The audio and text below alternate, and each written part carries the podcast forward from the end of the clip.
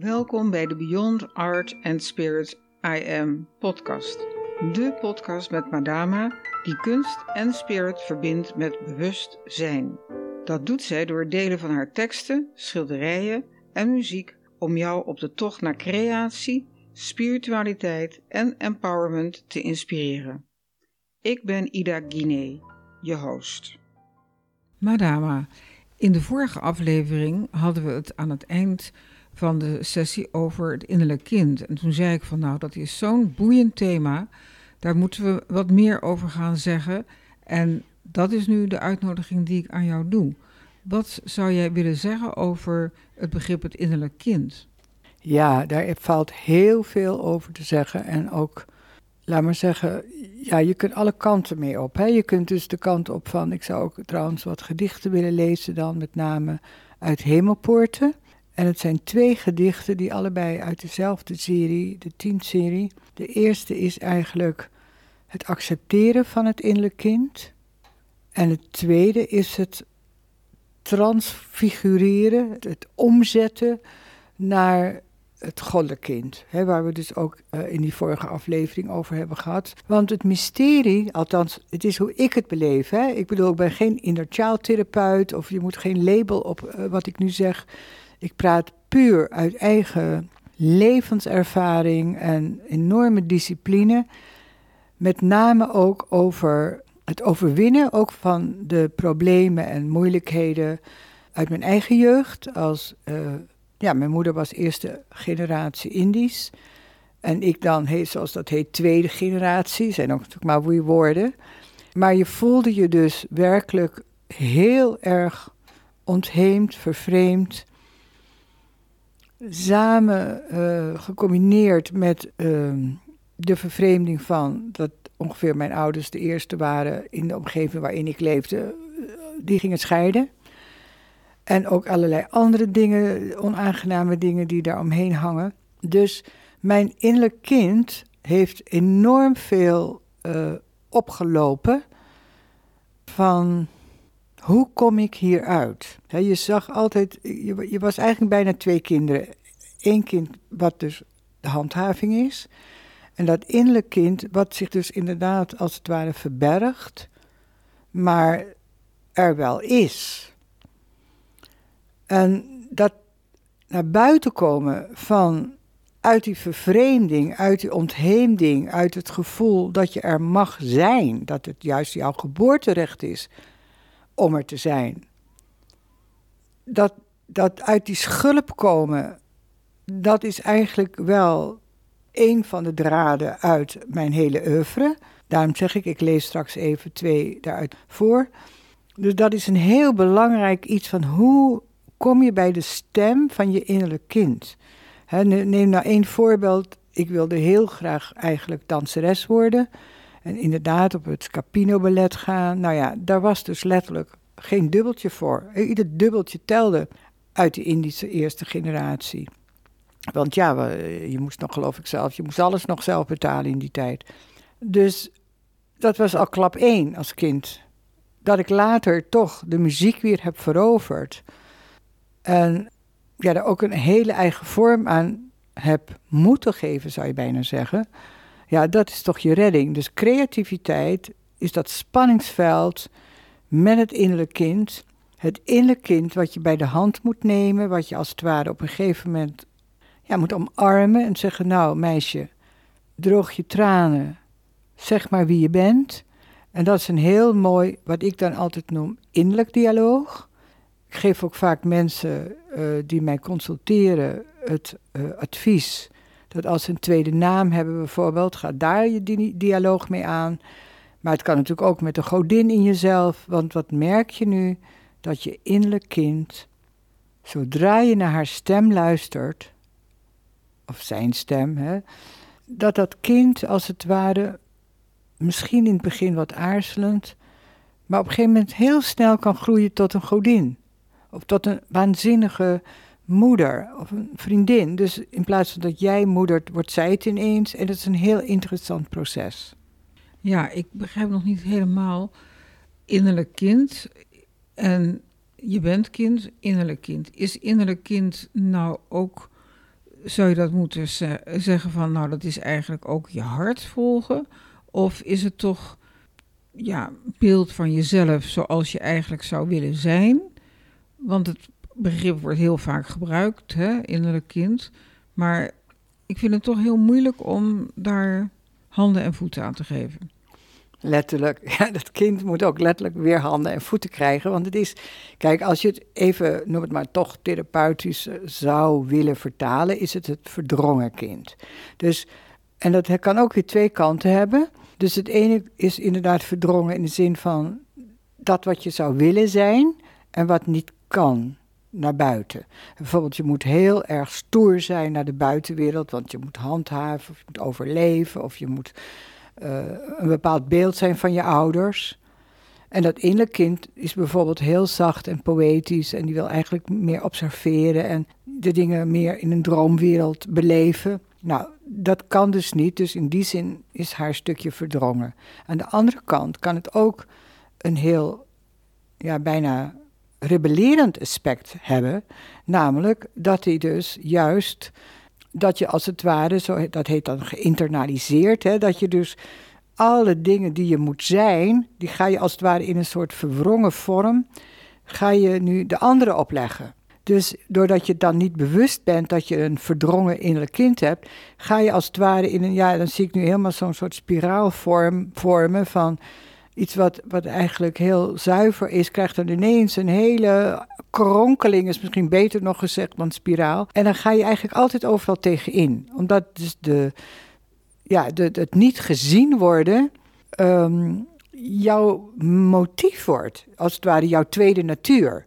Dus het is een heel, nogmaals, subtiel, subtiel landschap tussen waar word ik het bewust, waar sta ik het toe dus, waar omarm ik het en waar heb ik het eigenlijk verdrongen en dat weet ik niet eens.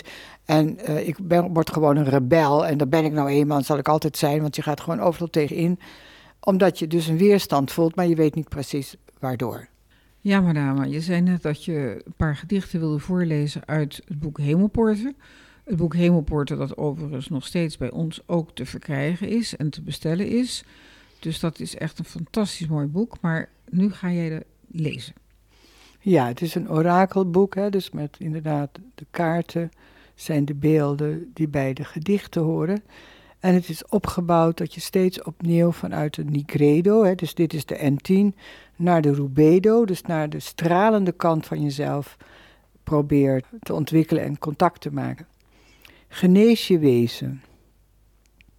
Bevrijd je kern uit de kerker van onderdrukking. Hé hey, zuster, waar ga je heen? Doet niets er meer toe dan de pijn in je hart?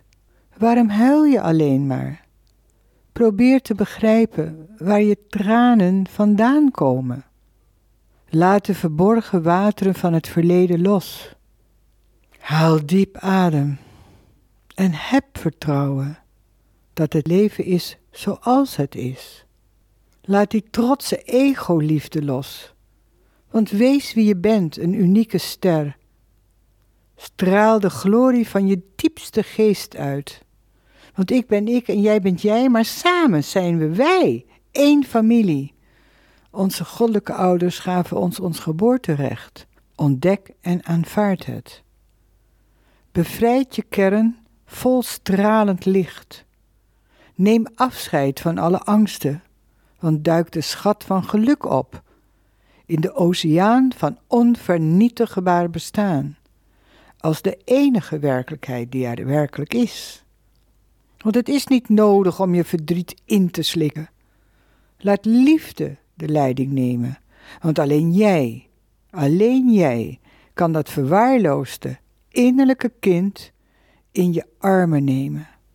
Besluit om van haar te houden en zij zal haar sprankelende hart tonen, waardoor oude, zwerende wonden verschrompelen. Madame, in dat gedicht dat Genees wezen heet, op zich al een prachtig thema, staan ook nog een aantal andere thema's. Met name ook de brug tussen het innerlijk kind en het goddelijk kind. Kun jij zelf ook die brug maken tussen Genees wezen als titel van het gedicht en innerlijk kind naar goddelijk kind? Nou, dat is mooi gezegd, want het heet natuurlijk niet voor niets genees wezen. Een voor mij, nou eigenlijk het meest fundamentele principe van genezen is: je kunt alleen genezen vanuit het contact met je wezen. Nou, dan zegt natuurlijk iedereen, ja hallo, hè, contact maken één en twee, uh, wat is dan mijn wezen? Nou, het wezen is natuurlijk al sowieso, een, het woord wezen is natuurlijk al gewoon een vervoeging van zijn. Dus ja, uh, je kunt ook zeggen van, nou, wat is het zijn? Dus wat is je wezen is ongeveer inherent aan wat is je zijn. Nou, je zijn is natuurlijk het zijn, is nooit je zijn. Is altijd iets wat er is. Dus hoe kan ik contact maken met het leven zoals het is? Oftewel, vrij vertaald naar jezelf toe, hoe kan ik mezelf accepteren? Mijn goede kanten, in de zin van waar ik contact mee heb, en mijn verborgen kanten en misschien zelfs wel mijn kwalijke kanten, hè, je schaduw zoals dat heet. Dus hoe kan ik uiteindelijk een heel mens worden? Want alleen dat, die aanvaarding van al die aspecten, dat maakt dat je een geheel wordt. En door dat geheel dat je wordt en bent eigenlijk al, dus altijd meer een bij elkaar brengen van iets wat er altijd al is. Hè, een soort mozaïek, een soort puzzel. En op een gegeven moment dan wordt het een geheel en dan gaat het ademen. En dat is je wezen. Dus genees je wezen wil zeggen, ik moet in contact komen met het geheel wat ik ben, zonder bepaalde dingen over te slaan. Nou, het innerlijk kind wordt natuurlijk heel vaak overgeslagen, omdat je daar dus ook bijna hè, door je opvoeding, je bent dan helemaal gedrild al hoe je je moet gedragen, uh, hoeveel diploma's je moet halen. En zeker zolang deze 3D-maatschappij nog regeert, ogenschijnlijk, zolang pas je je aan. Hè, dan hebben we nog maar niet over het culturele verschil. Westers, niet-westers. En hebben we het ook nog maar niet over bewust en onbewust, over de, de poëtische kanten van een mens, naast alle rationele kanten. Dus dat zijn zoveel aspecten. En op een gegeven moment merk je gewoon bij jezelf dat het een prop gaat worden. Je voelt je letterlijk geblokkeerd. Je weet niet meer wat voor of achter is. Uh, je bazelt maar wat als een robot. Nou, dat is het moment dat je inderdaad dat innerlijk dialoog moet, moet aangaan. Ik zeg in dit geval toch wel moet. Maar tegelijk zie ik dan altijd ook de D van moed. Want er is wel moed voor nodig. Om ook, noem het maar, die diepere gevoelens die dan vaak heel ja, ik zou bijna onhoorbaar, maar toch wel levend aanwezig zijn. En die kun je dus alleen maar horen op het moment dat je indaalt, dat er een stilte komt. En in die stilte dat je kunt luisteren. En in dat luisteren, dat luisteren is eigenlijk alleen maar gepaard gaande met liefde voor jezelf. Wat op zich natuurlijk ook al een kunstwerk is. Maar probeer dan die liefde voor jezelf alsof inderdaad dat kind.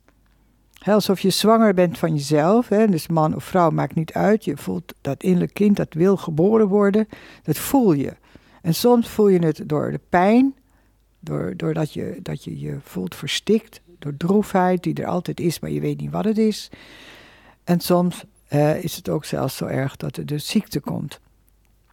En soms ook nog, hè, wat ik al zei eerder, kan het ook zijn dat je een soort gedrag van jezelf ziet en dat je denkt, nou daar ben ik ook wel klaar mee. Hè, dus daar hebben we het over die rebel, dat rebelgedrag. En dat je nooit eigenlijk het leven echt dat je in kan laten werken en durft 100% te voelen wat er nou eigenlijk aan de hand is. In welke situatie dan ook. Nou, en die, die combinatie dus van genees je wezen van binnenuit.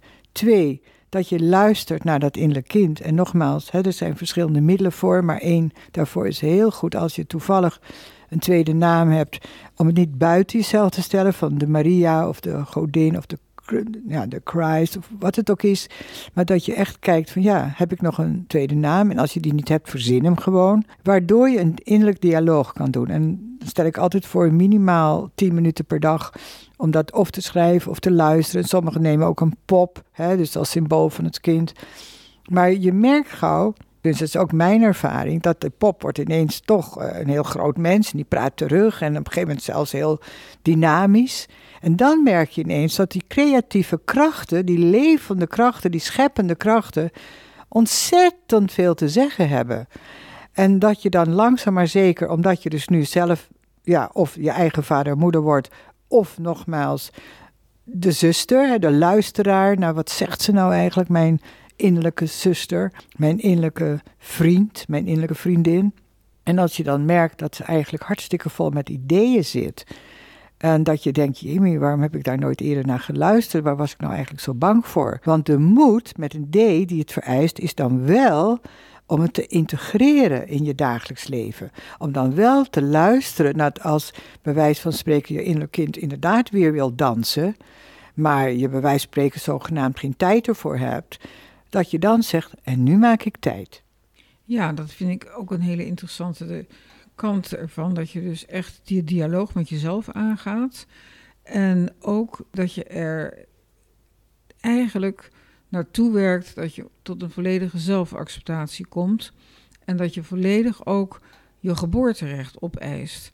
En daar heb je ook een heel mooi gedicht over. Dat heet Geboorterecht. Ja, dat wil ik. Dat is inderdaad wat ik al zei. Hè, dus de, de N10, uh, de Nigredo van de tiende fase in Hemelpoorten, is dus nog, noem het maar, de niet-kant. Maar even met die N, de niet-kant, de Nigredo-kant, de donkere kant. Het voelen van die pijn. En aan de andere kant, de rubedo-kant, dus de realisatiekant, de R, hè, rubedo, maar vooral ook het woord realisatiekant, is de stralende kant. Dat je dus wel degelijk gaat accepteren wie je bent, doordat, en daar wil ik even dan uh, op doorgaan, wat ik al zei, dat dat innerlijk kind kan dus veranderen plotseling in eerst je vriendin, of vriend, of muze, of hoe je het ook noemen wilt, en dan ineens merk je, en dan kom je bij de oergrond, bij het wezen der wezen, dus je ook jouw eigen wezen, want er is geen verschil, wezen is wezen.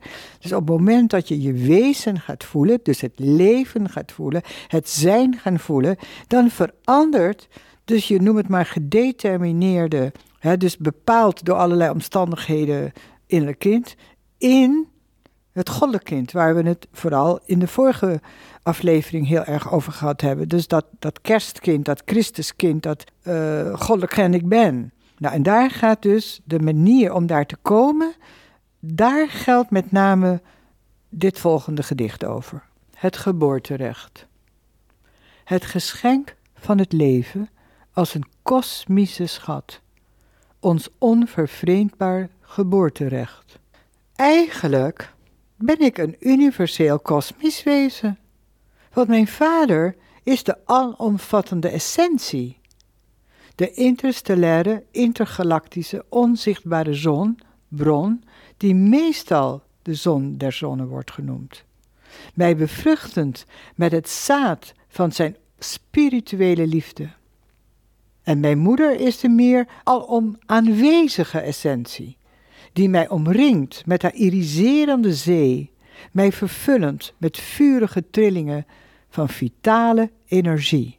Mij iedere minuut helend en beschermend, met spreuken om de verbinding lichaam, ziel en geest uit het duister om te zetten in een gouden feest. De sleutel naar onsterfelijkheid is hun geschenk aan jou en mij. Als wij ons vrij genoeg voelen om de schittering van onze oorsprong naar buiten uit te stralen. Omdat we innerlijk weten dat we deel zijn van een levende tempel van onmetelijke grootsheid, schoonheid en subliem plezier. Het geschenk van het leven als een kosmische schat, ons onvervreemdbaar geboorterecht. Ja, wat ik dus ook in dat gedicht hoor, en dat vind ik ook ja, heel verruimende blik, dat is dat je eigenlijk ook naar je vader en moeder, dat het niet letterlijk is, maar dat je dus refereert aan de kosmische vader en moeder. En daarmee ook jezelf in een veel breder perspectief plaatst. En nu heb je ook een schilderijtje gemaakt dat het kosmisch kind heet. Dus dan blijven we even in die kosmische sfeer. Kun je daar iets meer van vertellen? Ja, dat kind, dat, dat is inderdaad, uh, dat, ja, dat wordt letterlijk geboren, zo'n schilderij. Ik heb er verschillende gemaakt.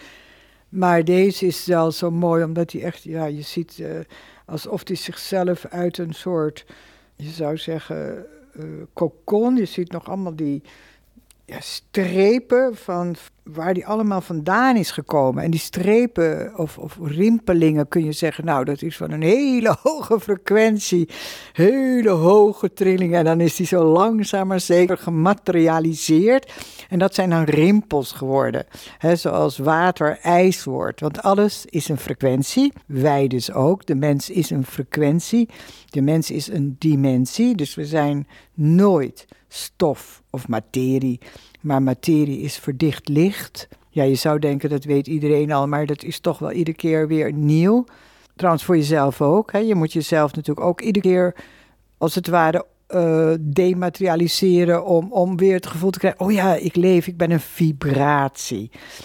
Ik ben een energie. En als je weer contact krijgt met dat je stroomt, dat je energie bent, hè, dan dus je wezen bent, dan kan je weer alle kanten op. En dat is dat kosmisch kind. Dus als je haar of hem of het, Ishi, hè, ik noem het Ishi. Het is nog man, nog vrouw. Het is uh, nog geest, nog materie. Het is puur bewustzijn wat zich via de materie uit. Dus het is een hele bijzonder, bijzondere functie eigenlijk ook. Hè. Het is een soort boodschapper, een messenger ook.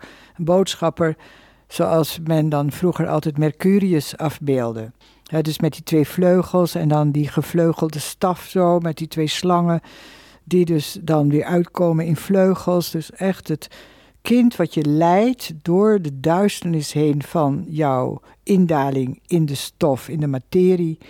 En tegelijkertijd je dus weer terugvoert. Want op zich is er niks mis mee met het gematerialiseerd zijn van jezelf en dus van alles.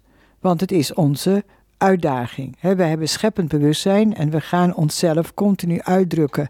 En de ene keer weten we iets moois te scheppen en een andere keer zitten we een beetje vast in, in, in de verfkladders, om het zo maar even te zeggen.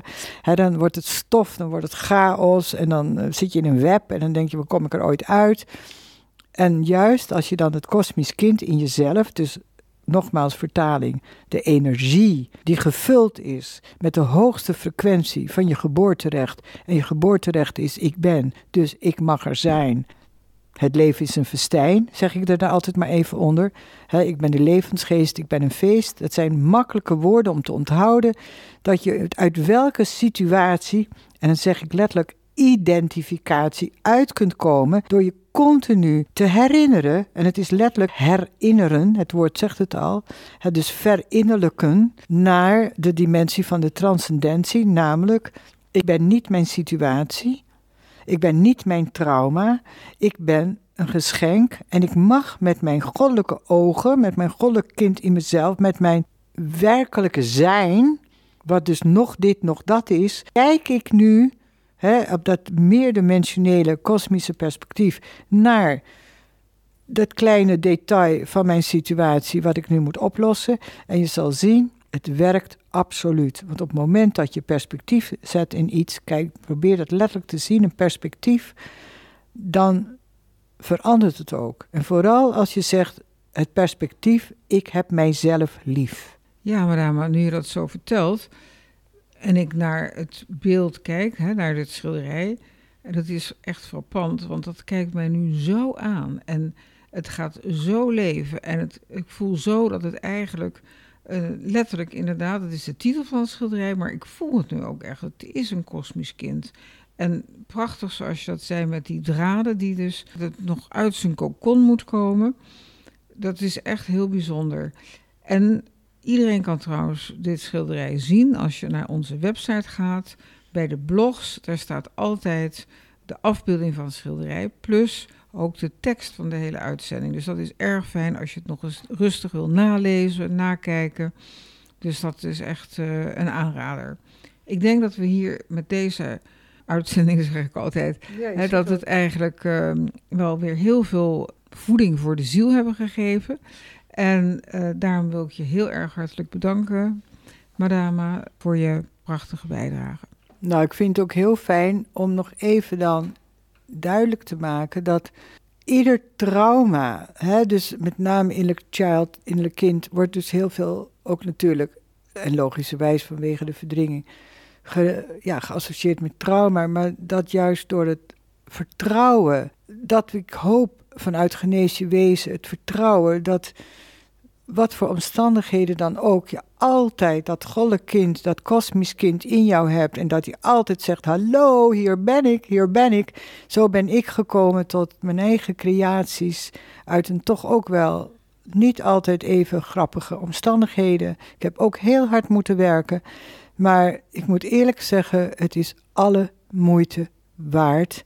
En vooral het kost eigenlijk geen moeite, want het is tegelijkertijd zo natuurlijk. Super bedankt dat je geluisterd hebt naar deze aflevering van de Beyond Art and Spirit I Am podcast. Het is ons doel om zoveel mogelijk mensen te inspireren, zodat er meer creativiteit en bewustzijn in de wereld komt. Ben je nieuwsgierig naar de volgende aflevering? Abonneer je dan in je podcast-app door te klikken op abonneer. En klik ook even het belletje aan als je op de hoogte wil blijven van nieuwe afleveringen. We zijn heel benieuwd naar reactie, dus laat een review achter, de 5 sterren ranking op Spotify of een geschreven review op Apple Podcasts. We vinden het fantastisch om feedback te krijgen van jullie, onze trouwe luisteraars. Dank je wel. En wil je voortaan alle nieuwe podcastafleveringen overzichtelijk onder elkaar? Abonneer je dan op deze podcast. Klik in je podcast-button subscribe en je ontvangt automatisch een berichtje als er een nieuwe podcastaflevering verschijnt. En wil je meer weten over een thema, schilderij of gedicht? Stuur een mail naar info@madama.nl. Meer info vind je ook op de website www.madama.nl. Dank voor het luisteren en graag tot een volgende keer.